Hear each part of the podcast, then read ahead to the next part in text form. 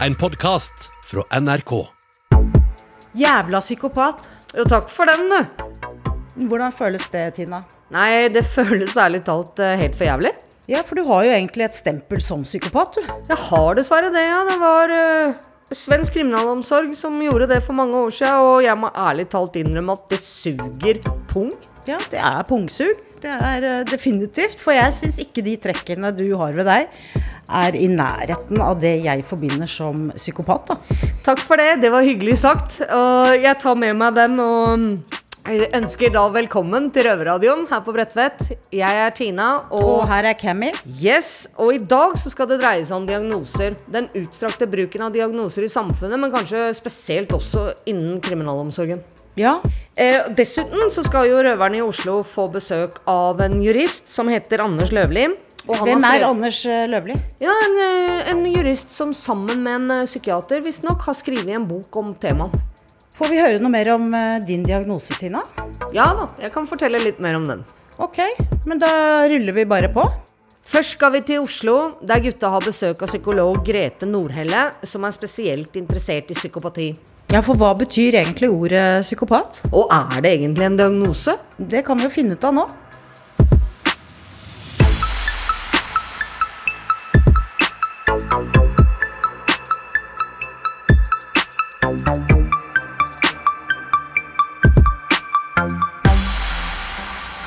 Psykopat, sosiopat, syk i hodet og bare helt gale. Vi kriminelle får mange stempler, og det er kanskje fristende å trekke oss over samme kram. Men det er sånn at alle kriminelle har litt av psykopat i seg. Det skal vi prøve å finne ut av.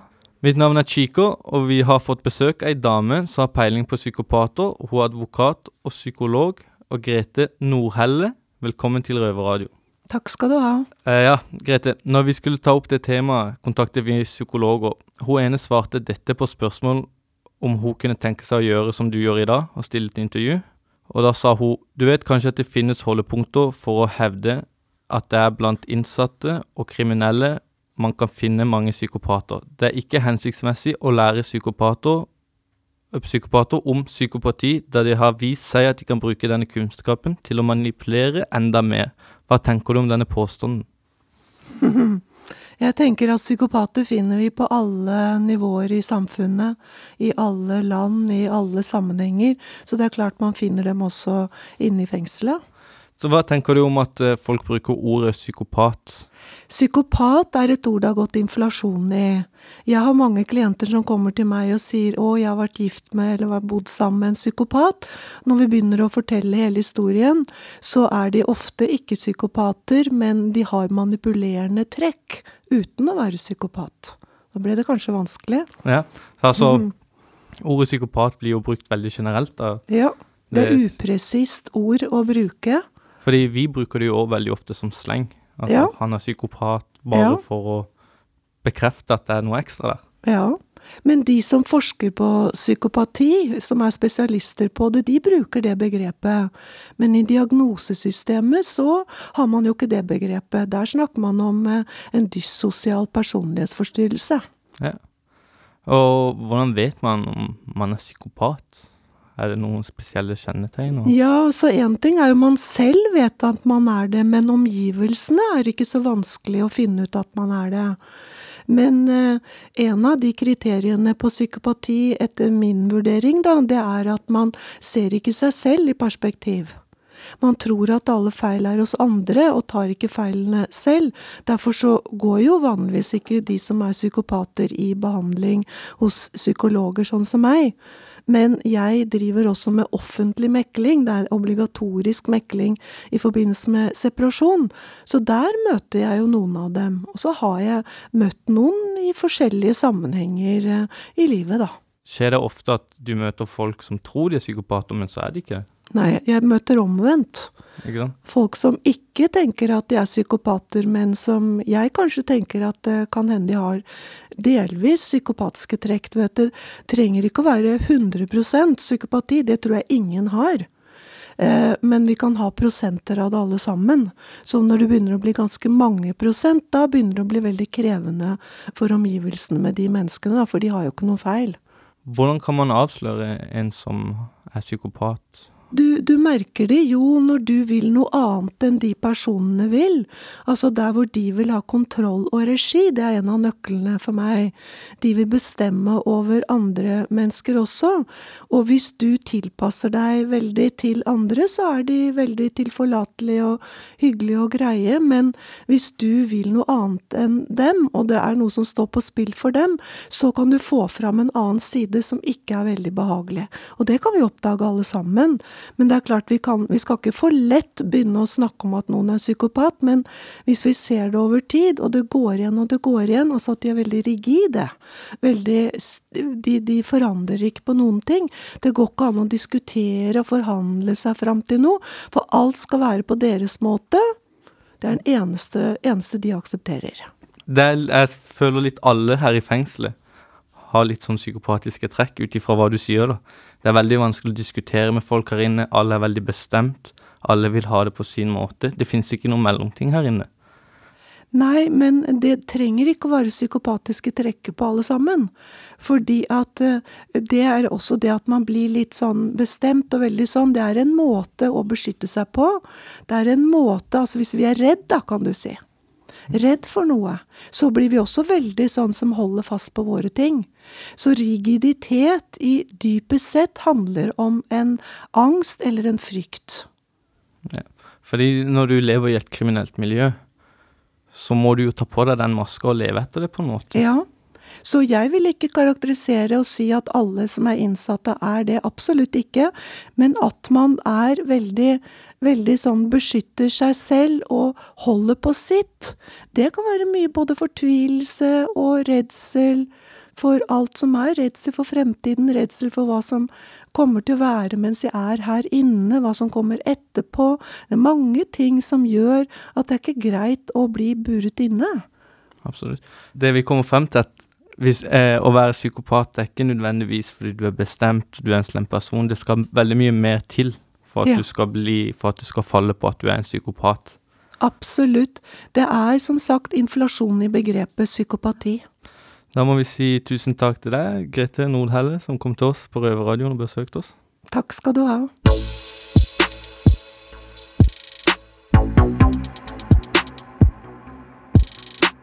Jeg må ærlig innrømme at jeg ikke blei særlig klokere. Jeg syns det er fryktelig uhåndgripelig, hele begrepet. Så um, Det kan du si. Eh, jeg sitter igjen med følelsen av at uh, ordet psykopat, det er jo ikke en uh, diagnose lenger.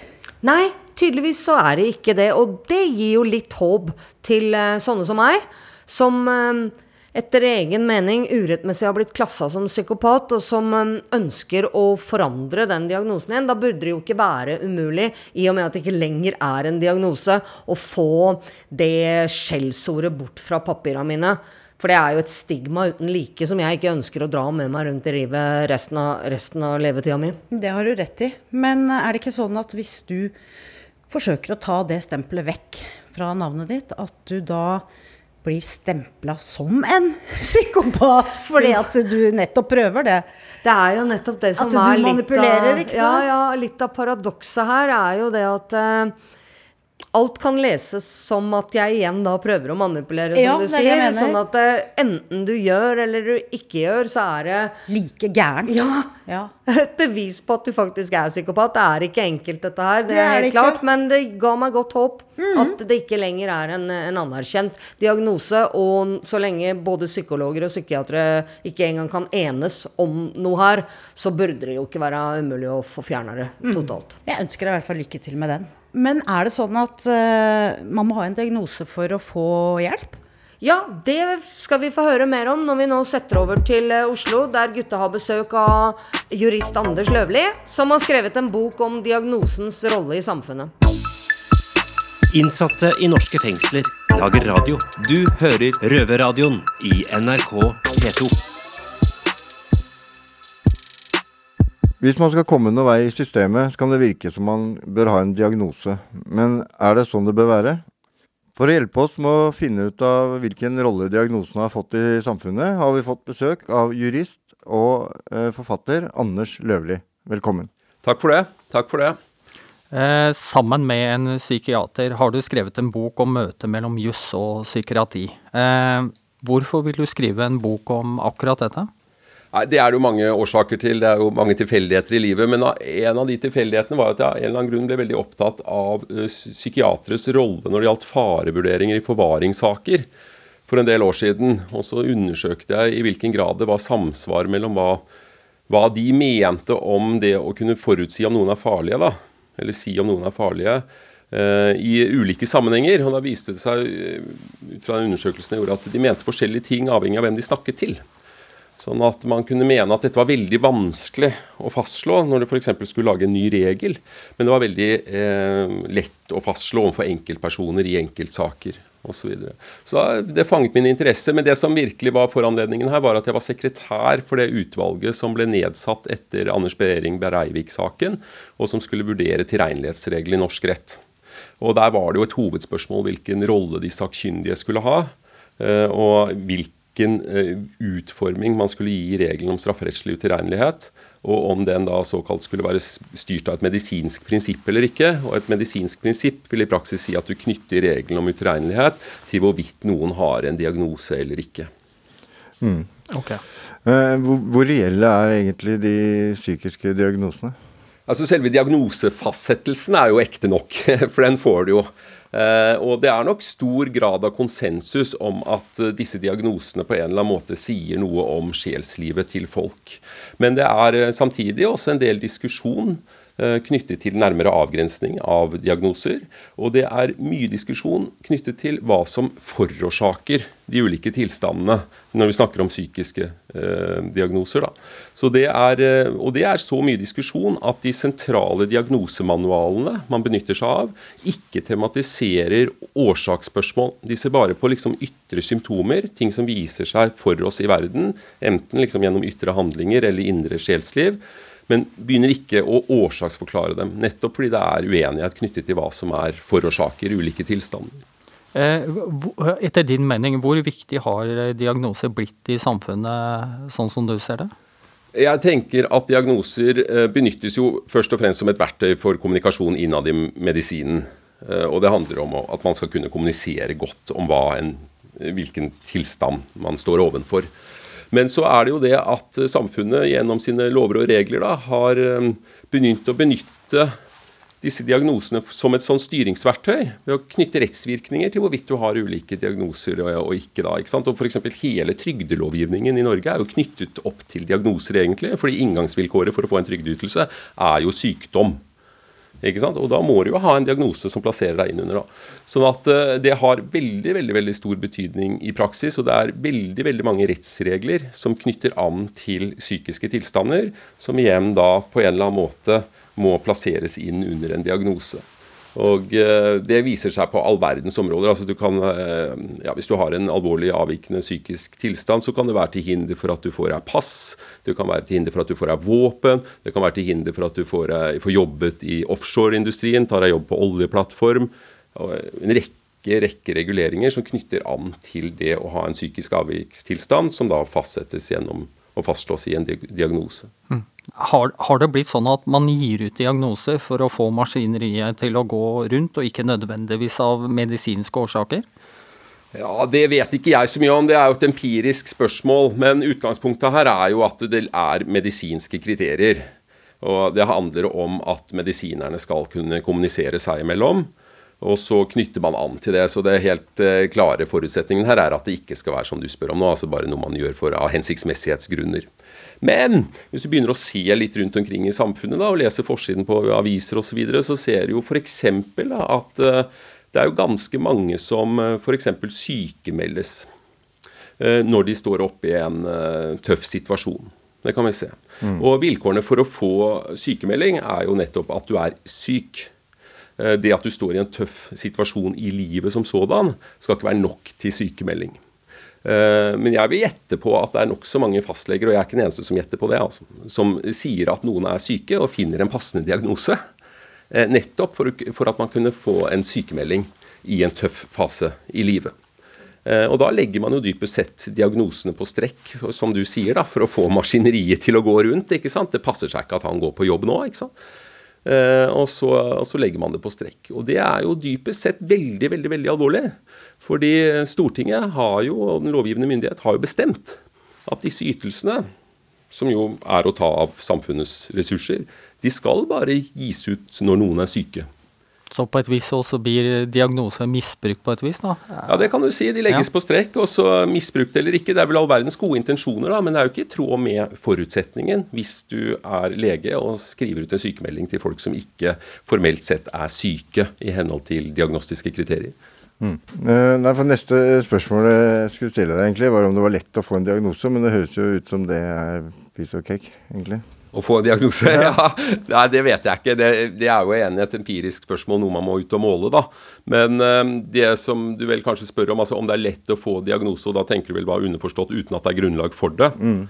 Uh, og det ser man jo også eksempler på. altså Det er ikke mange år siden du hadde en psykiater og en psykolog som, uh, og det er jo aktuelt for, uh, for fanger, da, som hvor man mistenkte dem for å skrive ut eller gi personer diagnoser Eh, for å ordne med soningsutsettelse. Mm. Uh, og det var visstnok satt i system, og resulterte i en fengselsstraff etter hva jeg kan huske, for den ene psykiateren på to og et halvt år. Uh, nettopp fordi man da la til grunn at det ble skrevet eller gitt diagnoser uten at det var saklig grunnlag for det, for å sørge for soningsutsettelse Eh, og da være så syk at du ikke kunne inn, eh, komme inn og sone fengselsstraffen din. Og Du ser jo også i staten. altså Hvis vi har fulgt med i media de siste årene, så har man jo fått med seg bl.a. Tolga-saken, hvor det var en eh, tre brødre som ble stemplet som psykisk utviklingshemma. Og, og hvor det også øh, man fant ut, etter eh, ja, mye medieoppmerksomhet og en egen undersøkelse og granskningskommisjon, at det ikke var saklig grunnlag for eh, den, i hvert fall den ene eh, å, å, gi den diagnosen. Og um, Så kan man jo spørre seg hvorfor det skjedde og ikke skjedde, men saken var i hvert fall at den kommunen fikk jo 7 millioner kroner i overføringer. Uh, som følge av den diagnosen. Når man har først fått en diagnose, er det kanskje vanskelig å bli kvitt den igjen? Eller hva, hva mener du, eller hva er din oppfatning av det? Ja, det vet ikke jeg noe særlig om, egentlig. Men har du fått en diagnose, så er det jo fort ikke helt uten grunn. Og eh, det betyr jo at det er noe med deg. Og diagnoser brukes jo til alt mulig. Det kan være at du har brukket bein nå. Altså, underforstått her nå så snakker vi om de psykiske tilstandene. ikke sant? Da vil jo ikke lure noe på det. Så da er det jo bare å få det beinet til å gro igjen, da, så forsvinner den diagnosen. Det kan jo være vanskeligere med såkalte psykiske lidelser, da. Som mange har med seg store deler av livet. Ehm, og som er der. Ehm, og hvis du da tenker på hvorvidt man kan bli kvitt en diagnose i den forstand at man har fått uriktig diagnose, så er det jo innenfor systemet og eh, pasient- og brukerrettighetsloven så er det jo mulig å klage på diagnosen eh, hvis man er misfornøyd. Eh, hvordan blir psykiatere og sakkyndige valgt ut til en rettssak, f.eks.? Ja, I praksis så er det jo ofte sånn at uh, påtalemyndigheten begjærer uh, sakkyndige oppnevnt. Og så er det retten som formelt sett oppnevner dem, fordi man ønsker de formelle formene som, som retten kan tilby. Eh, og eh, per i dag så er det sånn at man har en liste eh, over sakkyndige som, som, fungerer som sakkyndige. da, og ønsker å være sakkyndige, og som man kan benytte til å ringe, rett og slett, og, og, avtale med dem. Men Er det lett å tenke seg da at retten da vil velge ut de som kanskje er litt kjappe med å skrive diagnoser? Som passer til den rettssaken de skal ha, da? Ja, det vet jeg ikke hva som er kriteriene der, men det er klart at bekvemmelighet er jo alltid i spill. Eh, og jeg vil jo gjette på at hvis jeg satt som beslutningstaker, så ville jeg ringt den som gjorde skikkelig jobb og alltid sa ja. ja det ville vært ja. avgjørende for meg, den jeg hadde god erfaring med, egentlig. Eh, men for å sette det her i litt system, så har man nå prøvd å lage en, eh, lage en liste, da hvor folk som ønsker å fungere som sakkyndige, og da presumptivt vil jo da også få mer erfaring, ikke sant. Eh, og så, og så eh, kan man sette seg på den listen, og så benytter man den. Men det er ikke noen kvalitetssikring i og for seg for å komme på den listen. Tiltalte, har den noe tilgang til den lista, eller er det kun. Ja, Den lista ligger på nettet, tror jeg. Det, det jo, men det er ikke noe sånn at som tiltalt så får du en liste, liksom, og du kan liksom plukke ut noen du vil ha? Nei, skal... men altså, forsvareren din skal jo ivareta dine interesser under hele saken, og det er jo retten som oppnevner, og retten vil ikke oppnevne uten å høre med påtalemyndigheten og, og forsvareren forsvareren og, og siktede. da, Hvem man ønsker, og om man har noen motforestillinger osv. Så videre. sånn dette skjer jo ikke i et, rent, i et vakuum. Det skjer jo i eh, liksom innenfor rammene av straffeprosessen. Eh, og i ytterste konsekvens så kan du jo som tiltalt i en straffesak også føre din egen sakkyndig. Du har jo fri bevisførsel. Så du kan jo komme med en privat oppnevnt hvis du ønsker det. Men det vil jo da koste penger, da. Er det noen diagnoser som faktisk er en fordel å ha i, i en eh, rettssak? Det kommer jo an på Det er klart Hvis du skal ha en trygdeytelse, så lønner det seg jo å ha den diagnosen du mener skal utløse den trygdeytelsen. Eh, Så det kommer jo an på rettsområdet. Hvis du tenker innenfor strafferettens eh, sjargong og termer, da, så er det jo Det kommer jo an på hva du vurderer som en fordel og ikke fordel. Men det er klart hvis du vil unngå straff, så er det jo en fordel å være utilregnelig. Eh, Og hvis du skal være utilregnelig, så mm, så vil det hjelpe deg med en psykosediagnose. Du må ha mer enn diagnosen. Du må ha vært aktivt psykotisk på tidspunktet for de straffbare handlingene. Men da er du i praksis eh, ikke ansvarlig eh, for det du har gjort. Og Så kan man jo tenke seg at ja vel, han var vel ikke mm, så syk på sinnet, han er sagt. Men tangerte var jo helt opplagt en avvikstilstand. Eh, og Hvis du da fyller nærmere vilkår, så kan du tenke deg at du har anledning til å gå under eh, strafferammen som normalt gjelder, og utmåle en annen type straff. Og I ytterste konsekvens så kan det jo bli ansett som en, eh, som en formildende omstendighet. da. Eller altså hvis du ikke kvalifiserer til eh, altså at du ikke er straffri, og det heller ikke er grunnlag for å gå under eh, rammene, så kan man anse det som et formildende, en formildende omstendighet. Men er det noen diagnoser som blir brukt som spesielt for å sikre at vedkommende kommer i fengsel?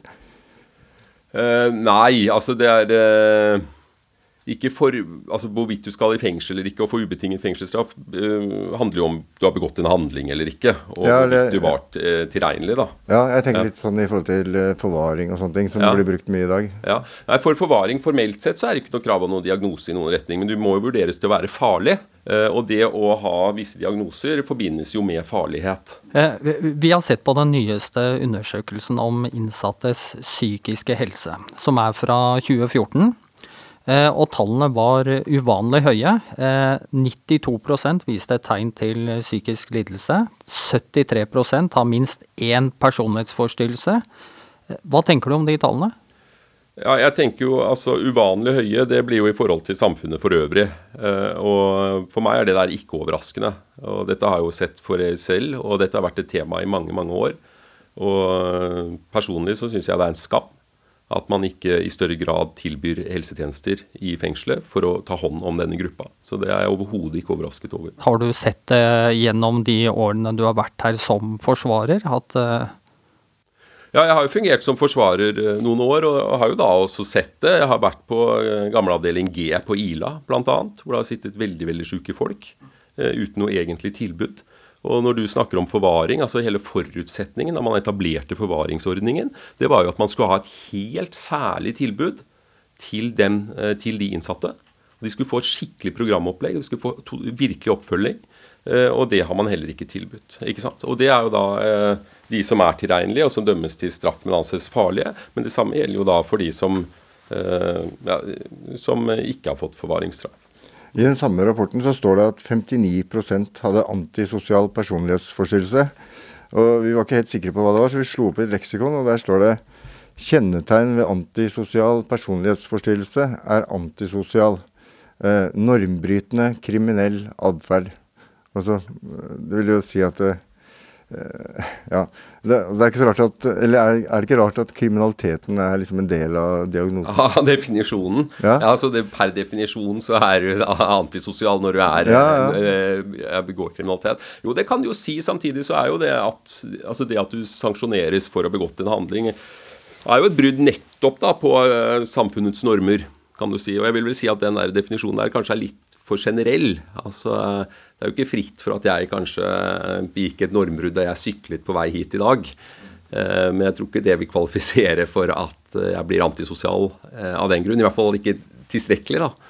Så, eh, men det er klart, det er, men vi har jo ikke noe særlig annet å bygge på. og har, man har jo da vist seg ikke sant, villig til å bryte samfunnets normer.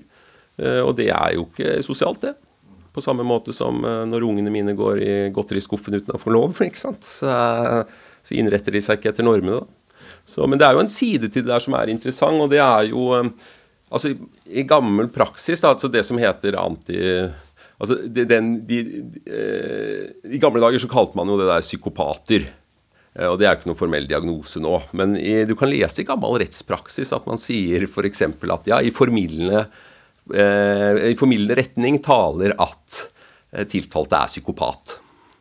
Eh, og den underliggende tanken da er at man ikke har forstått fullt ut da, hvor, eh, hvilken, eh, altså hvor, hvordan man har påført andre lidelser. At man ikke har noe egentlig innblikk i det selv. Og da er jo egentlig det normbruddet mindre alvorlig, da. For du har jo egentlig ikke forstått konsekvensen av det du har gjort. ikke sant?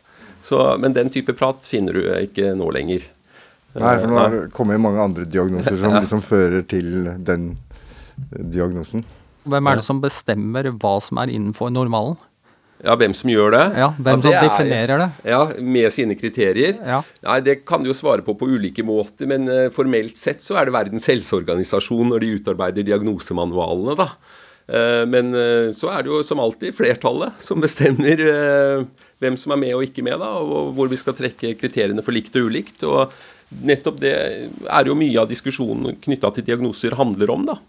Eh, ikke sant? Er dette avvik, eller er det ikke avvik? Og der har man nok en, eh, en uh, tendens i samfunnet nå til å endre litt syn på, på avvik. Hvis vi tar f.eks. funksjonshemmede, så har det veldig tradisjonelt sett vært knyttet til subjektet, og vedkommende er funksjonshemmet. Mens man nå i større og større grad er opptatt av ja, men hvordan er det egentlig samfunnet tilrettelegger for denne personen? Hvorfor blir vedkommende funksjonshemmet? Jo, det er jo rett og slett fordi det ikke er noen rullestolrampe der.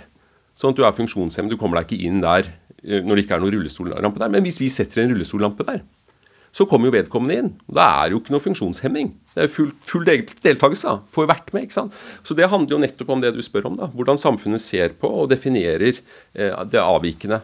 Og sånn På samme måte så er det jo mange som eh, argumenterer for, og det finnes jo grupper som argumenterer for at man i stor grad, i stor grad bør akseptere psykiske avvik. da, Og ta dem med og la dem, eh, la dem få delta på, på regulært vis så, så, godt det er, og, så, og, så, og så, um, så, langt man klarer. Ja. Nei, men eh, Da får vi runde av for denne gangen. Ja, Takk for at du kom. Tusen takk, ja, takk for samtalen. Takk, takk. Ja.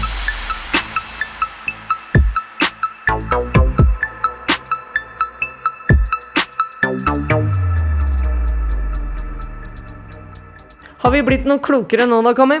Ja, jeg syns jo det. Så absolutt. Ja, det syns jeg også, faktisk. Det var litt klargjørende, den siste segmenten her. Hva kommer du til å huske best, Tina, fra denne sendinga? Nei, det jeg likte best og kommer til å ta med meg, er det at psykopati ikke lenger er en eh, diagnose. Ja, Og at de der ute også får opplysning om det. Absolutt viktig. Eh, hva skal du gjøre når vi kommer opp på cella, da? Jeg skal inn på mitt stillerom. Mm -hmm. Og du? Nei, jeg har tenkt å ta meg en tur ned i kirken og spille litt piano. Ja, Bråk og støy. Det ja, ja, ja. er bra balanse, that's, det. That's the way I roll, you know. Yes, I know you. Greit. Kontraster må til. Da sier vi takk for oss her på Bredtvet, og du kan høre oss som alltid på, på NRK P2 på søndager. Klokka P2 P2 klokka 20.30, halv ni, eller på podkast når og hvor du vil. Ha det! Ha det! Røverradioen er laga for og av innsatte i norske fengsler. Tilrettelagt for streitinger av Rubicon for NRK. Du har hørt en podkast fra NRK. Hør flere podkaster og din favorittkanal i appen NRK Radio.